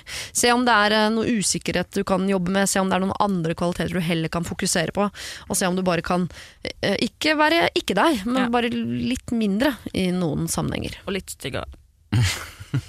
Siri og de gode hjelperne. Send oss en e-post på siri at radionorge.no. Jeg har fått inn en mail fra en uh, ung øh, jente som heter Jenny, som har skrevet da. Jeg er student som for tiden studerer i Trondheim, uh, og jeg er endelig ferdig med eksamen og uh, skal reise hjem til familien min på Østlandet. I august har jeg blitt ansatt i et firma som jeg gleder meg veldig til å jobbe med. Men idet jeg kommer hjem får jeg da greie på at mine foreldre har invitert vår sveitsiske, nokså perifere slektninger til å bo hos oss i august. Resten av familien rømmer til Sørlandet fordi det ikke er plass til begge familier i huset, jeg, men jeg kan jo da ikke være med til Sørlandet pga. jobb. Med andre ord er jeg forlatt, alene i huset med sveitserne. Og dette eh, har ikke jeg fått vite før nå. Det er ikke aktuelt for meg å bo i huset med de sveitserne alene. Jeg foreslo til mamma at jeg kunne bo på hotell eh, som en slags kompensasjon for at de slipper å eh, betale for meg på Sørlandet, men mamma sitt svar var at disse utgiftene måtte jeg dekke selv. Mange av vennene mine er bortreist på det tidspunktet, så det er ikke et alternativ å bo hos dem heller. Så dere, hvem har rett? Bør jeg få spandert på meg hotell? Bør jeg finansiere hotell selv, eller burde jeg bite det sure eplet og bo hjemme med sveitserne? Og så sier hun bare litt om sveitserne. Det er slektninger av eh, det er barn av pappas onkel, som hun har møtt tre ganger i sitt liv. Aldri utveksla et ord med dem. Eh, de snakker sveitser-tysk. Kjenner dem ikke, vet ikke engang hva de heter. Eh, det er en familie på to foreldre, tre barn. Og relevant informasjon, spør du meg. Vi har pleid å låne sommerhuset til pappas sveitsiske onkel, og derfor føler mamma og pappa at de skylder dem et gratis opphold. Hilsen hjemløse Jenny. Ah, du, eh, Det er ikke så lenge siden du flytta hjemmefra, Maria. To år kanskje, eller? Ja. Er det sånn når du kommer hjem nå, så forventer du på en måte at rommet ditt skal stå der, det skal være rydda, og det du kommer inn, så skal de omtrent eh, skrubbe ryggen din og smøre brødskivene? På ingen måte. Eh, når jeg To timer etter at jeg hadde flyttet, så hadde jo mamma fyrt inn en tredemølle inn på, på, på rommet mitt. Som jeg selvfølgelig hadde godkjent, da hun spurte om lov. Men Ikke for å hive henne under bussen. Men eh, jeg tenker jo at her kan Jenny være litt game Ja. og være litt grei med sine foreldre. Eh, det er jo ikke forventet at så lenge Altså, det er jo ikke det blir jo ikke helt forferdelig. Og hvis det er så vanskelig for henne å bo hjemme, så går jo det an å høre Altså finne en Airbnb-leilighet. For hotell er ganske dyrt hvis hun skal bo Det er kjempedyrt. ja, på, på Og kjedelig. Ja. Men samtidig jeg skjønner at det er irriterende sånn Å ja, så jeg, jeg skal hjem og jobbe Det er jo da man tjener penger som student, er jo når man har sommerjobb. Mm. Skal du bruke opp halvparten av feriepengene Eller de pengene du tjener i ferien, på å bo et sted når du egentlig kunne bodd i det huset du på en måte Mm. hører hjemme i? Man kan jo også bare snu tankegangen litt og tenke sånn Kanskje dette blir en helt fantastisk ferie. Mm. For det, det er jo et eller annet med å komme hjem og være med familien som kan bli litt mye i lengden. Ja. Eh, når man har vært vant til å bo for seg sjøl. Så dette se på det som om dere bor på motell, da. Ja. Og så har hun kanskje gledet seg sånn Å, skal jeg ha med masse venner hjem, og den Ja. sommeren blir helt topp? Og så er det plutselig sånn Nei, de mulighetene er faktisk borte. Men jeg bare har lyst til å, å Det virker som om Jenny ikke helt har forstått det der med at det er det er huset til mora og faren din. Ja. Altså det var For å svare på det første spørsmålet hennes, om man kan kreve eh, kompensasjon for å bo på hotell. Ja. Jeg håper eh, Jeg har jo tre døtre som er ganske langt unna å flytte hjemmefra. Mm. Eh, men jeg håper jeg kommer litt inn i samme situasjon her, og bare være litt sånn beinhard på at nei, du er student, du er oppe i 20-åra. Du kan ikke kreve at huset skal stå klart for deg Ja, når de har lånt et sommerhus. Altså Det er jo en klassisk Jeg skjønner jo veldig godt at foreldra bare Ja, dere vil til Norge i eh, noen uker, bare flytt inn. Vi skylder dere den. Eh, så Og det, gjør de. De skylder dem et opphold, gratis opphold i Norge. Det Ja. gjør de jo faktisk. Og så uh, kommer jeg ikke til å ta så stilling til om uh, det er veldig slitsomt å bo med de sveitserne. Høyst sannsynligvis så veit hun ikke det. Uh, Det kan være noen fordeler med å ikke kjenne dem så fryktelig godt. Mm. Og du, du kommer til å leve med mennesker som ikke er mam mamsen og papsen resten av ditt liv. Ja. Så ha et lite sveitsisk eh, opphold og prøve å sjonglere med at du skal ha eh, to fester eh, i løpet av den perioden du skal jobbe og sånn, det må du fint klare. Jeg er helt sikker på at du klarer det. Jeg ville bodd hjemme og ikke begynt å Airbnb og sånne ting, og bare vokse opp bitte, bitte litt. Ja, fordi det, det, Som mor vil jeg si at det er min oppgave å på en måte Eller det kommer jeg til å prøve å sørge for, at barna mine har det bra og er lykkelige mennesker. Ja. Men det er, ikke, det er ikke min oppgave å sørge for at det bare skal være komfort hele Nei, veien. nei. Altså, det tror jeg kanskje Der må de, eh, der må de klare seg litt sjøl på et eller annet tidspunkt. Det som kan være positivt, er at nå, hvis hun ikke syns det er så deilig å være hjemme, da, at hun nå har en unnskyldning til å finne på ting og gå ut og være med folk. Ja. Eh, det er litt som å akkurat bli singel igjen. Du kontakter alle menneskene du har på den kontaktlisten og spør skal vi ta en øl, eller skal vi gå og spise kaffe. Spise kaffe. Mm, Digg. Eh, spise noe mat, ta en kaffe, gå og se en film. Altså Bare hold deg sjøl opptatt, så slipper du å være hjemme. Altså, og det- kanskje viser seg at de ungene er helt fantastisk søte, eller de foreldrene er ganske spennende. Kanskje de har et helt liv som kan berike ditt liv. At man kan åpne opp litt for at det der kan Det er en annerledes opplevelse, men det kan også bli den derre Herregud, husker du sommeren 2019, eller den uka med de rare sveitserne? Altså, om ikke annet så blir det en god historie på CV-en, liksom. Og jeg vil bare si til Jenny som et tips, hvis du hører på nå og ikke har sagt sutra for mye overfor foreldrene dine, så vil jeg bare Det er nå du kan stramme deg opp, og du kan gå til foreldrene og si at Nei, det er helt greit. Jeg bor, jeg bor hjemme. Så har du det kortet til en annen gang. Sånn, Ja. Husker du når jeg bodde hjemme med sveitserne? En uke. Så kan jeg få den forbanna isen på bensinstasjonen.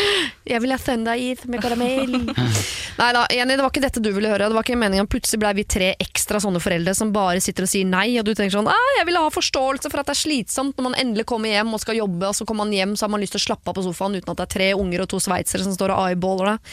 Jeg skjønner det, men det er en uke. Gjør det beste ut av det. Kanskje blir det en kul opplevelse. Og så har du resten av sommeren for deg sjøl. Var det bare én uke? ja. Siri og de gode hjelperne. Mitt navn er Siri Kristiansen, og jeg tilbringer helgen med komiker Maria Stavang og programleder Erik Solbakken. Hva sa du, Erik? Ja, det er drømmehelg, det, si. Det er litt av en drømmehelg, det. Eh, Vi skal inn i Emmas drøm, som kan vise seg å ikke bli så fantastisk som hun har sett for seg. Mer, ikke mareritt er å dra det langt. Jeg skal gifte meg i sommer med en mann jeg har vært kjæreste med siden videregående. Vi er nå 37 og 39. Vi har tre små barn, og livet er på stell. Det er jeg som vil gifte meg, og ja, jeg kan innrømme at jeg har presset dette gjennom. Han mener nemlig at vi ikke trenger det, og er redd for at dette kan ødelegge mer enn det kan være en bra ting. Og statistisk sett så har han jo faktisk rett i det. Eh, Det har jeg sjekka opp hva den statistikken er for noe, men det viser at hvis eh, folk som gifter seg etter å ha vært sammen i mange mange år, 70% av de skiller seg innen ganske kort tid. Er det sant? Ja, ja, så det er, altså det, statistikken er ikke på deres side. Men jeg vil, og jeg mener det er viktig for hele gruppa, og jeg vil gjøre det nå mens det er gøy for ungene og de gamle fortsatt lever. Og han er enig i det, og han synes også at det er en fin ting å være gift. Så vi har kommet til et slags kompromiss, da. Vi skal ha et lite bryllup, bare familie og forlovere, vi skal til rådhuset, og så hjem i hagen til svigers. Så vi har jo møttes på midten, da, og jeg skal ikke tøye den strikken noe mer. Men det er jo ikke dette jeg vil. Og jeg kjenner at nå begynner jeg faktisk å grue meg, og jeg vet ikke hvordan jeg skal klare å være glad denne dagen. Jeg tror jeg faktisk kommer til å gå rundt og være skuffet hele dagen. Så da lurer jeg på, skal jeg droppe det? Jeg tror ikke han blir så veldig lei seg da, altså. Men da er det jo på en måte skjørt. Da forblir jeg jo ugift. Emma. Emma lurer på om hun nå skal droppe det bryllupet som hun har mast seg til, da. Ja, for hun vil egentlig ha det mye større og mye flottere. Mm. Det er jo en ting Eller en ting jeg tenkte på når du leste opp det, var jo at Altså, det er jo å, å gifte seg er jo å feire. Mm. Nå skal vi feire at vi har klart Altså, det, det er et slags jubileum, da, når de har vært sammen siden videregående. Mm. Uh, og se heller på det giftermålet som Ok, nå samler vi liksom de nærmeste, og utover, utover, utover. Vi bare har en kjempestor fest for å feire oss som har vært sammen så lenge, vi har stiftet familie, vi er glad i hverandre. Mm. Istedenfor å se på det sånn Nå gifter vi oss, nå sier vi ja, nå er vi bundet for alltid vi skal. Altså, Ja. At man heller klarer å snu det, eller fortelle han mannen da at jeg vil dette fordi jeg har lyst til å feire oss, ikke fordi jeg har lyst til å gifte meg og ha det, kunne si konen og mannen. Nei. Bare, kan det hende at det er for seint nå? Nå har Emma på en måte, for nå har Emma innsett at uh, ok, det bryllupet blir altså så langt unna det jeg har sett for meg fra jeg var barn.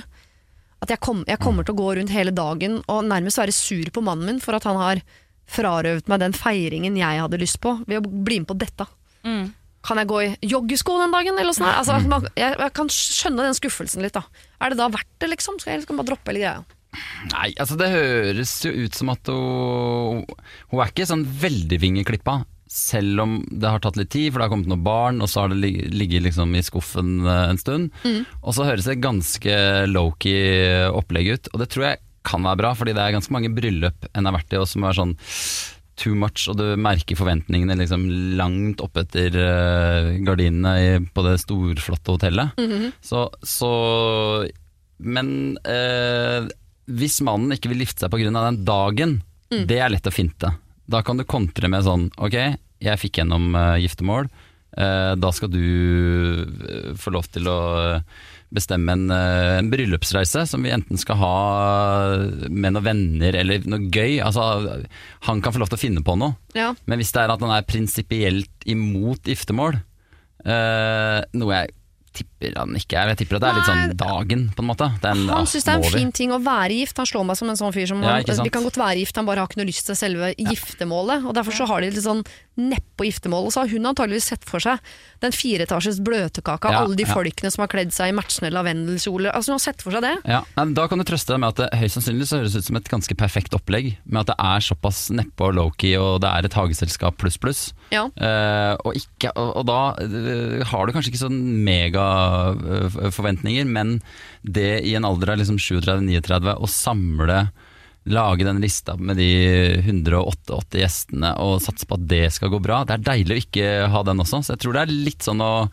stå i det nå og omfavne det, og så bare tenke at det her blei faktisk øh, den beste bryllupsdagen jeg kunne få til. Men Vil ikke du da gå rundt og være skuffet hele dagen fordi Ja. at hun går glipp av det hun egentlig ville ha? For det, hun, du kan jo på en måte ikke gifte deg to ganger.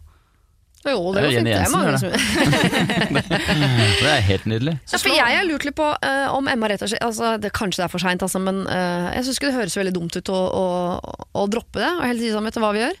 Du og jeg, vi drar til uh, Sveits, og så gifter vi oss. Altså, for det, når ikke du får det du hadde sett for deg, Ja, så det, burde du gjøre ikke en dårlig variant av det du har sett for deg. Da burde du gjøre noe helt annet. Så hørtes Så det det blir ikke giftermål. Dere to stikker, og så er dere gift. Da, har dere, da er dere gift, sånn som mannen din vil. Og så kan dere heller på et eller annet tidspunkt ha en øh, feiring av livet, eller en stor fest, eller jeg, bare, jeg, Det er litt farlig å gå sånn veldig kom, på kompromiss med, Ja, sant altså. med det hun har sett for seg. For Ja. Og når du har tre barn, tenk så digg òg, da. Bare få en uke nede i Italia og bare kose seg litt. Og så blei det sånn, og så, hvis ikke de begynner å krangle, så blei det en he alletiders bryllupsuke, liksom. Ja, det, Ja. Høres, det høres jo helt rått ut. Du kan gå rett fra rådhuset og rett på flyplassen. Og så ha den festen i august eller seinere. Ja. Og hvis det er litt sånn slitsomt nå, alle har holdt av dagen og sånne ting, så eh, trenger man ikke å Man trenger ikke å gifte seg, da kan man eh, svi av din foreldre. Men det høres litt kjedelig ut, altså. Nei, bare avlys det, og så ta heller en uke et eller annet sted. Jeg tenker, Hvis du plutselig nå gruer deg til det du har gleda deg til hele livet, så syns jeg du skal droppe det og heller gjøre noe helt annet. Altså Ikke noe som bare blir en blek kopi av det du har sett for deg, men gjør noe helt annet. Jeg skjønner at det høres som en kjip greie, men det er som jeg sier at mannen din kommer jo bare til å bli letta. Og foreldrene dine, hvis de eh, på en måte gjør jobben sin riktig som foreldre, så skal jo de bli glad for at du gjør det som er riktig for deg. Ikke sånn hvis de reagerer sånn 'Men da hadde jeg kjøpt pumps!' aktig. Da er det eh, dårlig gjeng. Så eh, vet du hva, jeg, jeg tror vi går for en Ja, dropp. Ja. Ja. Finn på noe helt annet. Stikk et annet sted. Feir livet på et eller annet tidspunkt. Ikke, ikke gjennomfør det der halvveisbryllupet der som ikke du har lyst på, heller egentlig ikke mannen din. Dere har ikke møttes på midten, dere har møttes på en annen planet som ingen ville reise til. Det er ikke noe vits. Radio Norge. De gode hjelperne, dere skal nå, altså deg Erik og deg Maria, dere skal nå bare eh, notere, enten mentalt i hodet eller ned på papir, for jeg skal lese en ganske lang mail, og så skal dere få litt betenkningstid før vi eh, drister oss ut på glattisen og prøver å eh, hjelpe denne Robin som har sendt inn. Robin skriver Jeg er en 28 år gammel mann bosatt i Oslo. Jeg har fast og god jobb, jeg har gode kolleger, gode venner, egen leilighet, godt forhold til egen familie og et nokså godt og sosialt liv. Men slik har det ikke alltid vært. Tidlig i livet mitt så flyttet familien min mye rundt. På grunn av det så har jeg slitt med å knytte nære bånd til folk eh, opp gjennom i hele oppveksten. Eh, Han ble ofte han rare nye som skilte seg ut blant den etablerte vennegjengen, og på et tidspunkt så følte han seg så ensom på videregående at han vurderte å ta sitt eget liv. Men så begynte han å studere, og plutselig var han del av en stor studiegjeng som hang sammen både på skolen og på fritiden. Og etter det så dro han utenlands, og etter bare tre dager i utlandet så hadde han fått en liten gjeng, eh, og etter hvert så ble dette altså de beste årene han har hatt i sitt liv så langt. Etter dette igjen, som det bare fortsetter å stige, så fikk han sin første kjæreste, flyttet sammen og var sammen med henne en stund, men så var hun utro. Og han ble så lei seg av dette, Robin, at han eh, stengte seg inne fra omverdenen. Han mistet flere av sine venner, og han ble veldig deprimert. Og livet var plutselig på bunnen igjen. Tiden gikk, og etter en stund med sosial oppbygning møtte jeg en ny kjæreste. Og vi har nå vært sammen i snart fire år. Helt til i vår. Kjæresten dropped the bomb og sa at hun ikke hadde følelser for meg lenger. I motsetning til det forrige bruddet har jeg denne gangen valgt å være mer åpen med venner og kollegaer om hva som har skjedd, og jeg føler jeg har fått snakket ut om mine følelser rundt situasjonen, og dette har gjort det lettere å håndtere. Min plan nå er å bo for meg selv igjen, kjøpe egen leilighet, ha god kontakt med venner og familie, bygge meg en egen personlig grunnmur. Men allerede nå merker jeg hvor vanskelig jeg syns det er å være alene. Og selv om jeg denne gangen har gjort alt som boka sier, eh, altså jeg har trent, omgått eh, venner, vært sammen med familie, snakket ut om følelser og fylt hverdagen med aktiviteter og ting jeg liker å gjøre, men allikevel kjenner jeg ensomheten. Jeg er livredd for å havne i en lignende situasjon psykisk som da jeg var yngre. Jeg føler meg rett og slett helt rotløs, og jeg har behov for noe som er stødig i livet. Dette har resultert i at jeg igjen har begynt å date bare to måneder etter bruddet. Eh, har, hun har ikke engang flyttet ut, eller de har fortsatt felles leilighet osv., så, videre, så det føles litt prematurt for Robin. Jeg vil kunne stå på egne ben og klare å trives alene. Dette er målet mitt og det jeg ønsker å oppnå før en eventuelt ny person skal stå meg nær igjen. Ser dere noe jeg ikke ser i denne historien? Er det ting jeg kan gjøre for å bli flinkere til å trives på egen hånd? På forhånd mange takk. Dere kan kalle meg Robin. Dette, Robin, skal vi ta tak i hvert øyeblikk, for det er viktig. Ikke det å stå på egne bein, det er også og viktig, men det er viktig å trives i eget selskap før man trives med andre. Så eh, jeg ser at både Maria og Erik har notert ting. Eh, vi skal tenke litt, eh, og så kommer vi tilbake til deg straks. Siri og de gode hjelperne. Lørdag og søndag fra 09.00 på Radio Norge. Vi hører på Radio Norge, hvor Siri og de gode hjelperne, altså meg og Maria Stavang og Erik Solbakken, nå skal ta tak i Robin sitt problem, som blir altså helgens siste problem. Eh, Jeg har allerede lest eh, dette problemet. Det er langt, stort, omfattende. Han har på en måte eh, tatt oss gjennom hele sitt liv, som startet ganske ensomt. Flyttet mye rundt. måtte hele tiden skifte skole, få ny vennegjeng. Følte ikke at han hadde liksom noe, noe nettverk, ingen nære. Han ble så deprimert og ensom på et tidspunkt på videregående at han vurderte å avslutte livet sitt. Gjorde heldigvis ikke det. Men så begynte han på videregående, studerte, fikk seg venner, eh, dro til utlandet, fikk seg venner, fikk seg kjæreste etter hvert, og så ble han dumpa og det var rett tilbake på bånn. Men så fikk han seg ny kjæreste, og så ble han dumpa og så var det rett tilbake på bånn. Og nå er han da altså i en situasjon i livet sitt hvor han driver og, og uh, desperat bare dater rundt for å, å fylle tomrommene i livet sitt, for han er så livredd eh, for å bli like ensom som han har vært tidlig i livet sitt en gang til. Samtidig som han vet at jeg er jo ikke en sånn fyr. Det jeg egentlig burde, er å trene på å stå på egne ben. Jeg burde trives alene. Det er det som er mitt mål. Det er det jeg vil oppnå før jeg eventuelt eh, bringer en ny person nært inn i livet mitt. Og han spør da Ser dere noe jeg ikke ser i denne historien? Er det noe jeg kan gjøre for å bli flinkere til å trives på egen hånd? På forhånd mange takk, dere kan kalle meg Robin. Er det noe Robin kan gjøre for å trives på egen hånd? Eh, han, har, øh, han er veldig godt i gang med det aller første og viktigste, og det er å på en måte øh, erkjenne at det er på en måte en utfordring han har. Eh, at ikke det her er en venn som sender inn, at de ser Robin desperat prøver å jakte på noen andre for å komme tilbake til den toppen han har hatt. Så det, du er allerede veldig godt i gang, og det gjør meg litt sånn beroliga. Ja. Der er det på en måte eh, jeg, tror, jeg tror ikke den øvelsen kommer til å bli så vanskelig som Robin frykter, på et eller annet vis. Fordi han um, kan se tilbake på en litt sånn ganske mm, eh, Ganske dype daler, men høye topper. Eh, og da er det fort gjort, når man går tilbake i en litt sånn ensom og usikker tilværelse, å bare se på de negative kurvene og kjenne at her kan jeg fort synke tilbake. Men han har jo hatt uh, flere gode og lange opplevelser hvor det bare nesten piker. Ja. Og det er det jo mange som ikke har i en sånn situasjon. Ja. Så han fikser det. Han har alt som skal til. eh, Og jeg tror det også er 100 nødvendig at han har denne lille perioden for seg sjøl. Fordi uansett om det skal være et eh, forhold eller velge å være aleine, så er det, det er viktigere enn å fikse forhold, er å fikse seg sjøl. Og en ting som er på plass nå som ikke var der i barndommen, er jo at han har et nettverk med eh, venner. Altså han, han kommer ikke til å bli like ensom som han var i starten av eh, livet. Han har, jo masse, han har et nettverk, masse venner. Det er kjærligheten som mangler. Mm. Uh, jeg er litt usikker, jeg vet ikke om du har svar på det, Maria. Men ehm, er det sånn at det er noen mennesker som er gode på å være alene, mens andre mennesker er avhengig av å være to for å ha det bra? Jeg, er jo, jeg, jeg kjenner meg veldig veldig igjen i Robin med dette her å være alene. Eh, fordi eh, nå har jeg bodd for meg sjøl i et år, og syns at kveldene kan bli ganske kjipe. Eh, fordi jeg er veldig dårlig på å være i mitt eget selskap, og har heller lyst til å, gå ut eh, og gå på arrangement, gå alene på det. Altså det At man sitter igjen med en følelse av at nå har jeg i hvert fall gjort noe. Og jeg, jeg tror det ligger noe i at man kan få lov til å si til seg sjøl at man syns at det er kjipt å være aleine, og ikke må drive og hele tiden fortelle seg sjøl at nei, men du har godt av å være litt aleine. Eh, at man heller kan si til nei, men nå har jeg det, jeg syns dette er dritt. Jeg syns det er dritt å være aleine. Og hva kan jeg gjøre med det? Ja, da kan jeg gjøre ja, gå ut og være med venner. Eh, eller bare sitte litt i at det er dritt, for det, livet kan ikke være toppen hele tiden.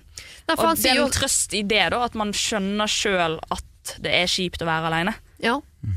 Ja, for jeg sier Denne gangen har, jeg, har han gjort ting eh, riktigere enn forrige gang. Nemlig at han har trent, vært sammen med venner, vært sammen med familie. Han har ikke liksom lukka seg inne og vært helt alene etter et brudd. Han har vært liksom, han har liksom eh, omfavna livet i større grad. Da. Og kanskje han rett og slett skal bli flinkere til å ikke omfavne livet, være litt mer hjemme. Klare å kjenne på at eh, ja, det er dritt, men det er jo ikke, det er jo ikke farlig at det er dritt. Nei, for det er også sånn eh, når du er i et forhold som går over mange år, så er det sånn hvis eh, behovet for å være i forhold alltid vil være, fylle en stor del av det, så er det litt negativt på et eller annet vis, for da, da klarer du heller ikke å på en måte eh, det er mange som føler seg ensomme i forhold også, som eh, etter hvert, etter ti år, når de har kanskje fått noen unger og sånne ting, kjenner at nei, kanskje ikke det er perfect match med den jeg er med. Ting som på en måte etter hvert siver opp, fra, opp til overflaten. Så, så eh, jeg tror han også må prøve på et eller annet vis å tenke eh, ja, Han må dyrke litt aleinetid, tror jeg også. Og, og det kan være noen mislykka forsøk på, på hobbies, på å sette i gang noen prosjekter for seg sjøl. det trenger ikke nødvendigvis bare være sånn hjemme alene-Lene. Eh, og prøve å feile litt eh, der, kanskje. Det er Ja, i hvert fall på en måte, for Hvis du hver gang tenker sånn Hver gang du er aleine tenker at 'å nei, dette er mislykket, jeg må fylle det med noe', så sier du til deg selv at det å sitte hjemme alene er mislykket. Jeg tenker at Da burde du sitte mer hjemme alene og kjenne at eh, Hvis du skifter fokus da på at det er ikke det at eh, ingen har valgt meg ut på dansegulvet nå, det er jeg som velger å ikke gå ut på dansegulvet. Ja. Så, eh, og det er lett å si for en som stortrives i eget selskap, og det er ikke fordi jeg liker meg sjøl så godt. Jeg syns bare det er helt utrolig deilig å være alene. Hater å være alene. Jeg- Men, men så kan det hende at den eh, ikke har tatt godt nok tak i det som faktisk er veldig sånn sårt, som er uh, ungdomstida hans, hvor, eh, hvor det faktisk var et stort problem for han å være aleine. Ja, for, det, for han å være alene nå er ikke det samme som da Nei, det er det ikke. yngre. Men han Nei. frykter kanskje Hvis, hvis han ikke har fått, fått rydda godt nok opp, og det er jo det man uh, søker profesjonell hjelp til, Ja. uh, da får du det spørsmålet om barndommen, og så er du i gang. Kanskje det også er noe han ikke har røska ordentlig godt opp i. For nå Sånn klarer han ikke å skille mellom det å være ensom og alene i voksen alder. Eh, 2.0-versjonen, at du frykter veldig 1.0-versjonen av deg sjøl. Ja. Så den redselen er kanskje, no, kanskje er litt overdrevet for hans, hans del òg. Det skal veit ta ikke en jeg. Men liten runde til øh, psykologen og snakke om øh, oppveksten, rett og slett. Ja. Og så øve på og det å være alene. Bare være mer alene og snu fokus på om at det er noe du har valgt selv, å være alene. Og så må du ikke glemme at du har et nettverk rundt deg. Og det er veldig bra, du er godt på vei allerede. Du driver og eller du har skjønt at du må øve på å stå på egne ben og trives med å være alene før du skal innlede et nytt forhold. Så vi tror du er godt på vei. Erik er ikke bekymra. Maria kjenner seg igjen, og jeg har trua, så dette kommer til å gå bra, Robin. Det føler jeg meg helt trygg på. Eh, jeg sier tusen takk til Erik og Maria nå. Ja. Dere har vært strålende gode hjelpere hele helgen, rett og slett. Ja, ja, jeg tror vi har redda noen sjeler. Eh, ikke le av det, bare. Det tror jeg virkelig vi har. nå er vi tilbake til eh, fjas, Fjasesen. Fjas, fjas, Ja, fjasesen. streng, streng, streng. Dere skal få lov til å fjase dere videre i søndagene deres. Eh, Du, min venn, må gjerne sende inn eh, problemet ditt eh, til meg. Jeg er tilbake om en uke. Siri alfakrøll radionorge.no. Dette er Siri og de gode hjelperne på Radio Norge.